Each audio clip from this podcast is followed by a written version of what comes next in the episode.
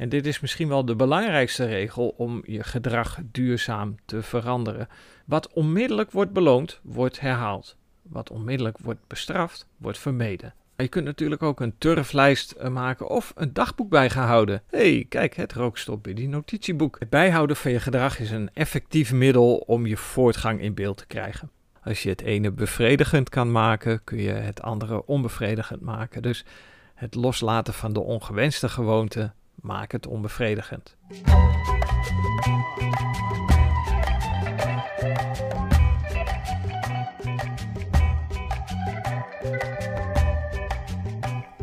Hi, Rookstop Buddy hier. Met uh, ja, helaas alweer de laatste aflevering uit de serie van het proces om tot gedragsverandering te komen. Het is het zesde deel met uh, de vierde regel. En de vierde regel is: maak het bevredigend. Maar voordat ik daarmee verder ga, uh, mijn aantekeningen erbij pak om, om deze aflevering in te spreken, wil ik jullie nog bedanken. Want op het moment dat ik dit opneem, zijn we de 14.000ste keer beluisterd voorbij gestreefd. En dat vind ik een hele mooie, mooie grens. Het is niet een mooi exact afgerond getal zoals 10.000 of 15.000. Maar ik zat laatst te kijken in de statistieken van mijn Spotify-account. En ik zag dat we de 14.000 uh, bijna aantikten. En de dag daarop, ja de 14.005ste keer beluisterd. Ik vind het fantastisch. Hartelijk dank voor alle luisteraars die iets hebben aan deze afleveringen. Dat wilde ik even gezegd hebben. Oh, vorige aflevering heb ik een oproep gedaan uh, om uh, ja, jullie tips te delen. mochten er nog zaken zijn waarvan je denkt: van, oh ja, dat, dat moet behandeld worden in de Rookstop Buddy podcast. Mail mij, bel mij. Mijn gegevens zijn te vinden op de website www.rookstopbuddy.nl of via Instagram rookstopbuddy.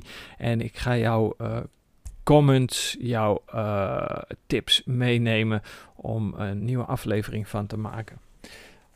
Nou, dat was even genoeg reclame en de huishoudelijke mededeling. Ik ga verder met regel 4.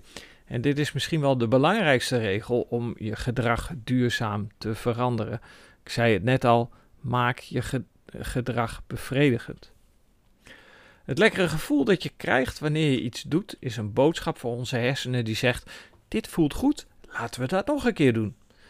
Wanneer je genot ervaart, leren je hersenen dat dit gedrag de moeite waard is om te onthouden en belangrijker, heb ik in de vorige aflevering uitgelegd, om dat te herhalen. Wat onmiddellijk wordt beloond, wordt herhaald. Wat onmiddellijk wordt bestraft, wordt vermeden. Dat is een uitspraakje van James Clear. De drie afleveringen hiervoor, waarin ik de eerste drie regels om te komen tot duurzame gedragsverandering heb behandeld, uh, die vergroten je kansen om je gedrag nu te gaan doen. Deze vierde regel vergroot de kans om je gedrag een volgende keer te doen. Er bestaat een discrepantie tussen directe en uitgestelde beloningen. Van nature voelen we ons lekker door de directe beloning van ongewenst gedrag, maar voelen we ons slecht op de langere termijn van ditzelfde gedrag. Voor gewenst gedrag geldt het omgekeerde. De directe beloning blijft uit, maar de lange termijn geeft de bevrediging. Het geheim van succes is, wat mij betreft, het negeren van de directe beloning en de kunst van het uitstellen. Dit is wat ik onze kinderen ook meegeef. Als je kijkt naar mensen die succes hebben, uh, ik zit nou in een boekje over uh, financiën. Succesvolle beleggers zijn een voorbeeld. En ik ga niet oproepen voor jou om te beleggen, maar het kan een bijwerking zijn als je geld overhoudt van uh, niet roken. Beleggers, succesvolle beleggers zijn een voorbeeld van hè, hoe vroeger je begint. Warren Buffett die is op zijn tiende begonnen met uh, het kopen van aandelen, het beleggen. En die, uh, nou, die, die heeft zijn vermogen opgebouwd door geduld te hebben en weten uit te stellen. En zeker niet in paniek te raken. Maar ik dwaal af. Um, het geheim van succes, dus de kunst van het uitstellen. En daarom is het handig om je gewenste gedrag een klein beetje aangenamer te maken uh, en je ongewenste gedrag iets meer pijn te laten doen. Dit heb ik in de vorige aflevering, hè, de vorige regel, ook uitgelegd door obstakels te verminderen of obstakels voor ongewenst gedrag te vergroten, zodat je minder naar neigt om dat te gaan uitvoeren. En om van je gewenste gedrag een gewoonte te maken, moet je het dus als een succes ervaren. En ook al is dat maar een heel klein beetje.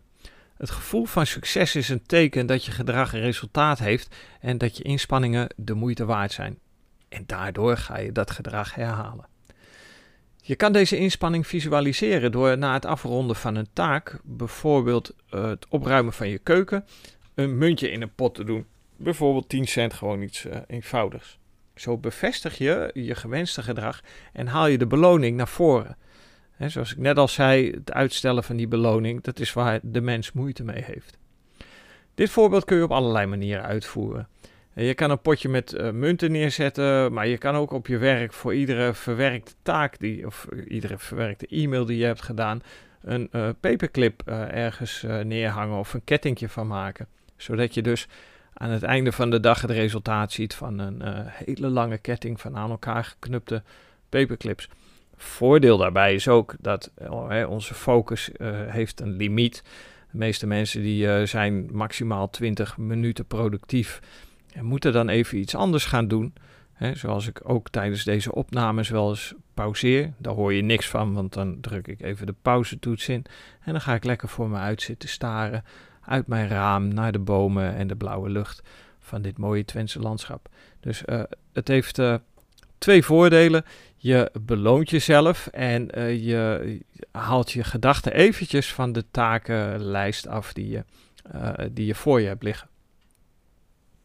Uh, dat is met paperclipjes, maar je kunt natuurlijk ook een turflijst uh, maken of een dagboek bij gaan houden. hey, kijk, het rookstop in die notitieboek. Het bijhouden van je gedrag is een effectief middel om je voortgang in beeld te krijgen. Denk wederom niet te moeilijk. Denk aan het afstrepen op een kalender van de dingen die je gedaan wil hebben of een dingen doen lijstje opstellen die je aan het eind van de dag uh, allemaal hebt afgestreept. Het bijhouden van je gedrag wordt uiteindelijk vanzelf de beloning. Maar ook al doe je nog zo je best, iedereen heeft wel eens een slechte dag. Dat kan ons allemaal overkomen. Maar hoe kun je nu voorkomen dat je de touwtjes laat vieren en terugvalt in ongewenst gedrag? Niet lekker in je vel zitten, niet tevreden over een maaltijd of bijna terugvallen in het roken. Die dingen gebeurt, shit happens. En tijdens zo'n slechte dag realiseer je niet hoe belangrijk het is om er toch te zijn. Zorg dat je treintje blijft rijden en dat je het ritme niet doorbreekt.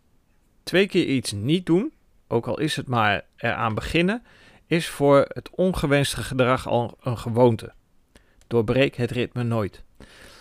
Bijvoorbeeld, als je hebt voorgenomen om de keuken iedere avond super strak achter te laten en het lukt een dag niet, zorg er dan voor dat er in ieder geval de afwas is afgespoeld of alleen de vaat is weggepakt in de vaatwasser. Het is beter om de fiets te pakken na je werk om een boodschap te doen dan ook daarvoor de auto te pakken als je voornemen was om meer te gaan fietsen. En wanneer je goed hebt opgelet de afgelopen afleveringen, zag je deze al aankomen.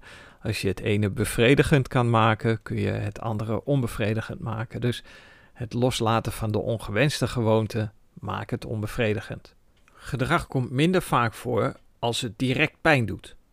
Door bijvoorbeeld af te spreken met iemand om verantwoording voor je gedrag af te leggen, dat is een goede manier om te blijven bij je voornemens.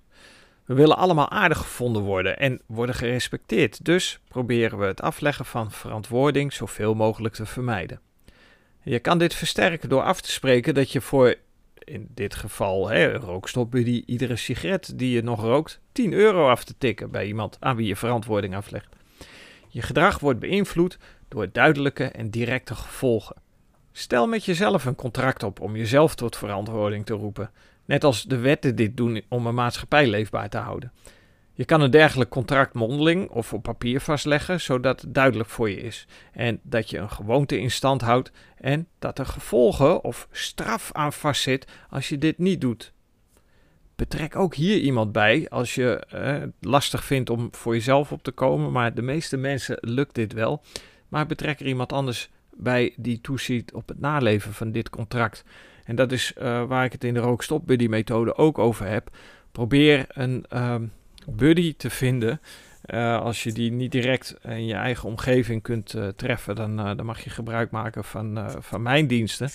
Ehm, maar op die manier leg je verantwoording niet buiten jezelf, maar leg je de nadruk van je eigen verantwoordelijkheid. En dat is wat ik belangrijk vind.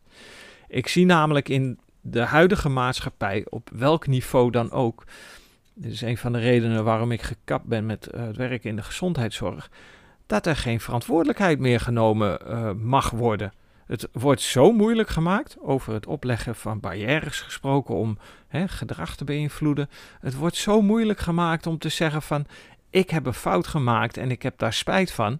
Het moet allemaal uh, dichtgetimmerd worden met een protocolletje hier en een maatregel daar. Dat we allemaal gewoon uh, lam geslagen zijn, murf gebeukt zijn en zelf niet meer naar voren kunnen stappen en zeggen van hé, hey, dit is mijn verantwoordelijkheid, dit heb ik gedaan. Of uh, zoals ik eerder in een, um, in een interview iemand heb horen zeggen, wees de dader van je eigen leven, pak die verantwoordelijkheid. Nou, dat is denk ik de kern van het hele verhaal. Het is in ieder geval de kern van de opzet van Rookstop Buddy. Want uh, leven als een niet-roker, dat doe je voor jezelf, voor niemand anders. Ook niet voor je kinderen zogenaamd. Het moet echt van binnenuit komen. Dit was de zesde aflevering uh, uit de reeks Het proces om tot verandering te komen. Ik moet hem afsluiten helaas. Ik vond het super leuk om, om te doen. Ik ga me eens even beraden op een volgend projectje, mini-project, die ik als aflevering met jullie kan delen. Uh, ik ben ook al in gesprek weer met interessante gesprekspartners voor een volgend interview in de Rookstop Buddy Show. Ik wil jullie hartelijk danken voor het luisteren naar deze aflevering van de Rookstop Buddy podcast. Heb je ideeën? Deel ze met mij. Het kan via Instagram, het kan via de informatie die je op mijn website kunt vinden. Nogmaals bedankt en maak er een fantastische dag van.